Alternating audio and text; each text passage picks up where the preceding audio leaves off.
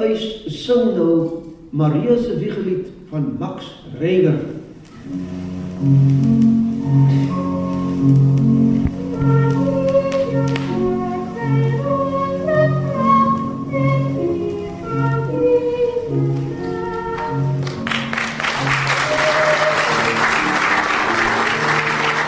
Ek gesels nou met die legendariese Pieter Dirk Uys. Ons ken hom nou in soveel gedaantes en soveel hoedanighede. Pieter Dirk, dit was weer eens wonderlik nou om jou te sien in The Echo of Noise. 'n Wonderlike werk. Hoekom die titel? Ek weet nie die titels gebeur altyd eers voor die stuk. Jy weet, ek dink altyd aan 'n ding wat mense se aandag sal trek. Ek probeer dit eh, soos in die ou dae Fasebaard Eis wat 'n you know wat 'n baie lekker titel was vir iets op en mense het gelag vir die titel voordat ek die stuk geskryf het. Maar ek gedink ek of a noise dit gee jou 'n idee van daar was 'n geluid en die geluid het 'n ekko gehad, maar wat was die geluid en wat is die ekko? En toe dink ek dit is miskien 'n goeie sambreel vir my storie jy gaan ver terug in geskiedenis selfs voor jou ouers se tyd en dis miskien waar die ego ook vandaan kom ja mens weet nie waarom te begin met so 'n storie nie en wa, om wat uit te laat want soms is daar dinge wat so heerlik is maar dit is te veel. Daar is so baie stories van my pa se my ouma huis. Sy was ook legendaries met haar stories en stories van wat ons gedoen het. So die balans tussen die die heerlikheid en die lag met die skok en die erkenning van pyn en uh, en van die ekko van pyn en die ekko van huil. Daarom is daai brief van Sofia vir my so belangrik. Was sy net vir my gesê het en ek was kind na die my ma se dood. Be brave, be brave. En dit is verbasend wat twee sulke woorde kan doen aan 'n aan iemand wat bang is. Uh, net konteks vir die luisteraars as ek praat van van hierdie bepaalde stuk the echo of noise dis eintlik jou lewensverhaal jou ouers waar hulle vanaand gekom het hoe jy groot geword het en so aan die vakmanskap wat jy in vertelling sit het sy dit nou mevrou Evita Peron is het dit nou jou gewone vertellings is wat ons nou hier vanaand gesien het. Daar's 'n fantastiese onderbou soort van 'n fundament. Ek dink dit het baie gehelp om mense te absoluut aanbid vir hulle talent. Jy weet, dit was nie dit was nie fashionable en daai daai nie, maar mense gesê, ag jy filmsterre en akteurs, dit, dit is nou jy maar ek het altyd gekyk wat mense gedoen het en uh dit het by my gebly. Dit het ook vir my baie gehelp want ek het uit die huis gekom met met pianiste. My pa het, het altyd musiek gemaak kore gehad, ons het in die koor saam gesing. My ma se wonderlike klaviermusiek. Sy het 'n wêreld ritme gehad van musiek van Duitsland, van Italië, van Rusland, die genot van musiek. En natuurlik Tessie wat altyd wonderlik klavier gespeel het. So daar was altyd hierdie gevoel van doen jou beste. Al is dit net vir die kat. Dis vir die kat, jy doen vir die kat. En dit is iets wat ek baie belangrik vind in my lewe ook is so ek dink dit is die regte tyd ook vir hierdie oomblik in Suid-Afrika hierdie storie van my wat dit gaan nie oor die ligte wat nie werk nie dit gaan nie oor die banale realiteit van diefstal en en gemors nie dit gaan oor almal se lewens en ek is so opgewonde oor die feit dat mense wat niks te doen het met die manier hoe ek opgegroei het nie almal het gesê dit was soos ek gevoel het. Dit was soos ek was en uh, en trane kom en lag kom en uh, en die en die oumas wag vir my na die show. En almal sê oh with the same age. Ek sê ja dit is waar. Ja.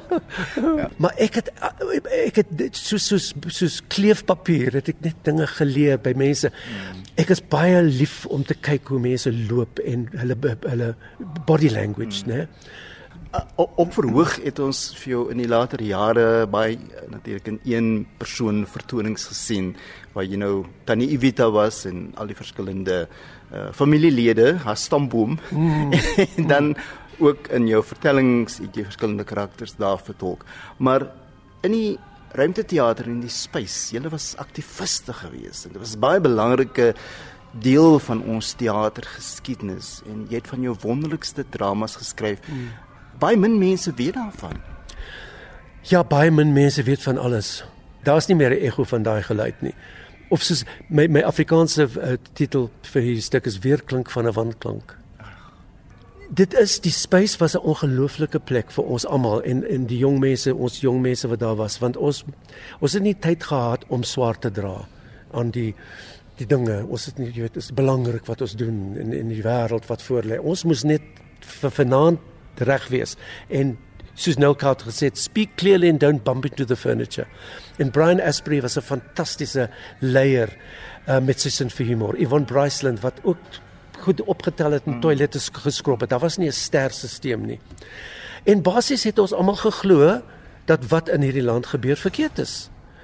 Een van die stukke uh, ek het dit nie self gesien nie, um, maar ek het gehoor mense praat daaroor en ons praat nou oor die oor die ruimteteater die hmm. space en jy het self in hierdie vertelling nou ook daarna verwys en dit is die die dames van Long Street en jy het 'n stuk daaroor geskryf en dis nogal half nostalgies uh, uh, baie interessant wonderlike karakters in Langstraat. Die meisies in in Carnival Court, dit was 'n uh, karnaval, was die die, die die drama van die, Af die Af Afrikaanse meisies wat nou daar is want hulle kom van die platteland, hulle weet van niks van die stede nie en en en, en daar's mense wat aan hulle boude vat en jy weet wat om te doen nie en is die mense honorary whites of as hulle bruin of wat gaan in so al daai politieke ingevleg. Maar ek het wonderlike vriende gemaak met die bergies. Ek was 'n honorary bergie. Hulle het my sê ja, jy jy jy is onder. En daar was bergies wat by die space ook was het vir hulle tuiste gegee. Hulle het daar geslaap. Hulle so en en kom in die kombuis kos gemaak en so. En dit was alles deel van die van die die regmaak van die verkeerd maak van apartheid. Apartheid het almal uitmekaar het gegooi en ons het probeer om almal saam te sit en te lag vir die bizarre realiteit van ons lewens. Ek het een van jou vertellings, jou vertonings gesien praat so van die bergies. Jy open met 'n bergie met hierdie swart plastiek vuile sakke en dan kom jy dan kom jy op die verhoog en jy gil op die op die gehoor en jy raas met ons. Dit was die, dit was so snaaks, maar ek dink dit was so uniek geweest. Ek is so bly jy onthou dit want dit was 1992. Dit was in by die Baxter Theater. Uh Nelson Mandela was net vry en daar was die bergie. En jy weet die snaakste ding is met uh, Sell by Date, my nuwe show wat ek nou aan werk wat in Augustus hier kom en en eintlik middel Mei in Kaapstad se Turin teater speel. Ek begin weer met 'n bergie. Ek doen weer die bergie met met vandag se realiteite. Die Kaap is baie spesifiek, né, met die karakters ja. en die en die Kaaps, Afrikaaps, wonderbaarlike ding wat mm. gebeur. Die die taal is ryk. Ja. Die taal word meer gepraat as enige ander taal in hierdie land want Afrikaans gaan oor in Khoza en Zulu en Tswana en Venda en Engels en daar's Duitsers wat nou Afrikaanse woorde ook gebruik het. So as mense sê oor Afrikaans gaan dood, ek sê nie skat, jy gaan dood. Jy gaan dood. Praat nou die taal wat uitvloei en geniet dit. So ek is baie opgewonde. Pieter, ek wil weer terugkom na jou een persoon vertonings toe, maar spesifiek die kuns van vertelling.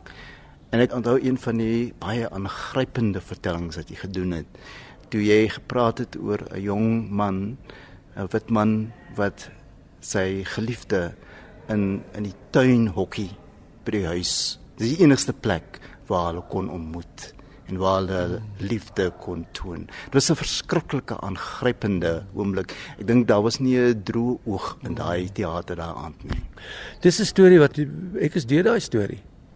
Dit was 19 in die 70 jare. Vriend gemaak dit jy nie weet. Jy nie weet om saam te drink. Jy nie weet om saam te eet. Jy nie weet om saam te slaap op baie maniere. Dit was nie net apart nie, dit was ook die die immorality act, al die so dinge.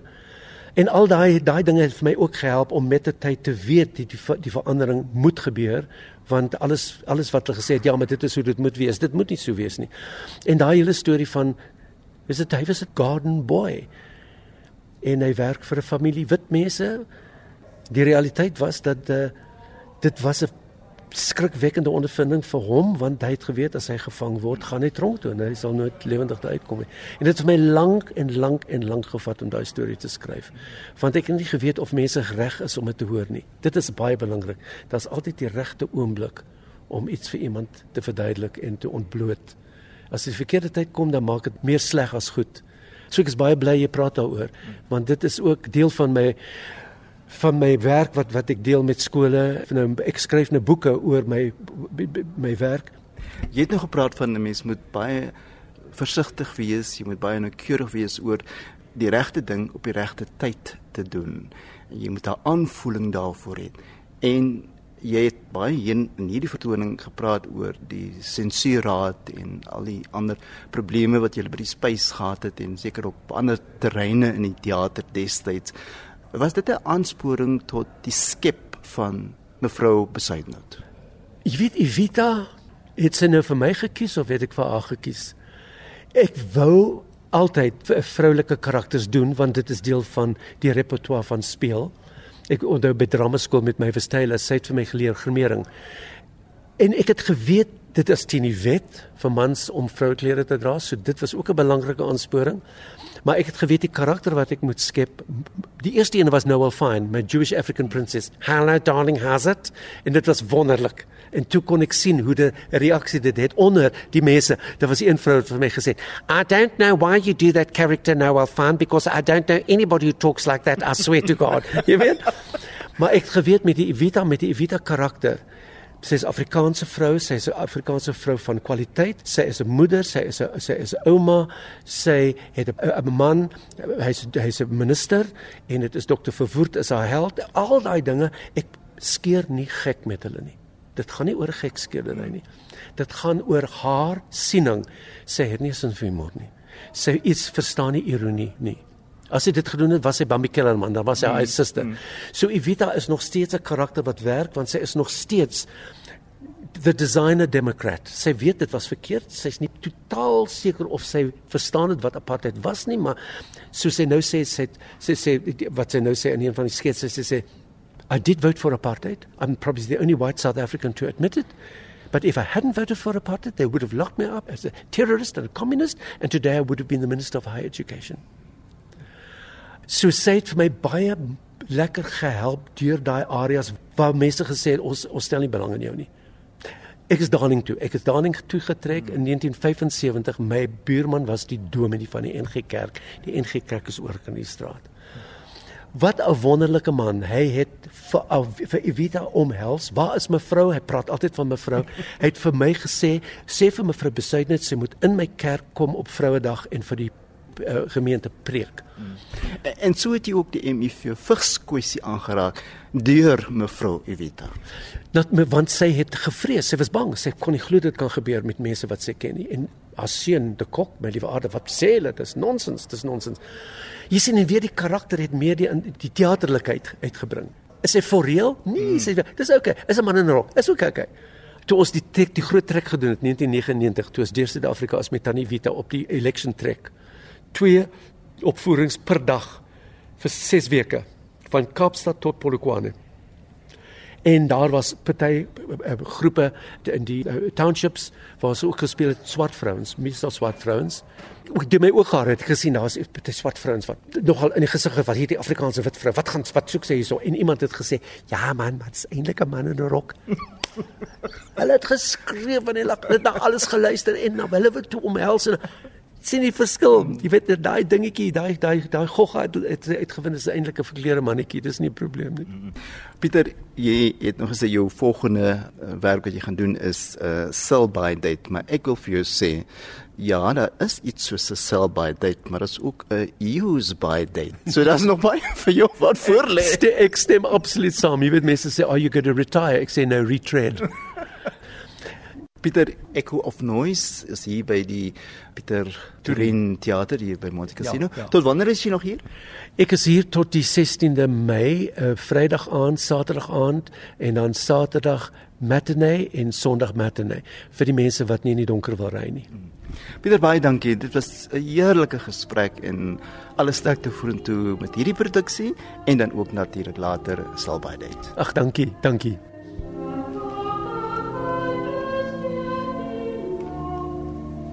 At last, I've got long pants. now my voice must break. Whew, tomorrow it's my 14th birthday. I don't know what's going to happen. Hang on. Maybe if I just make a noise.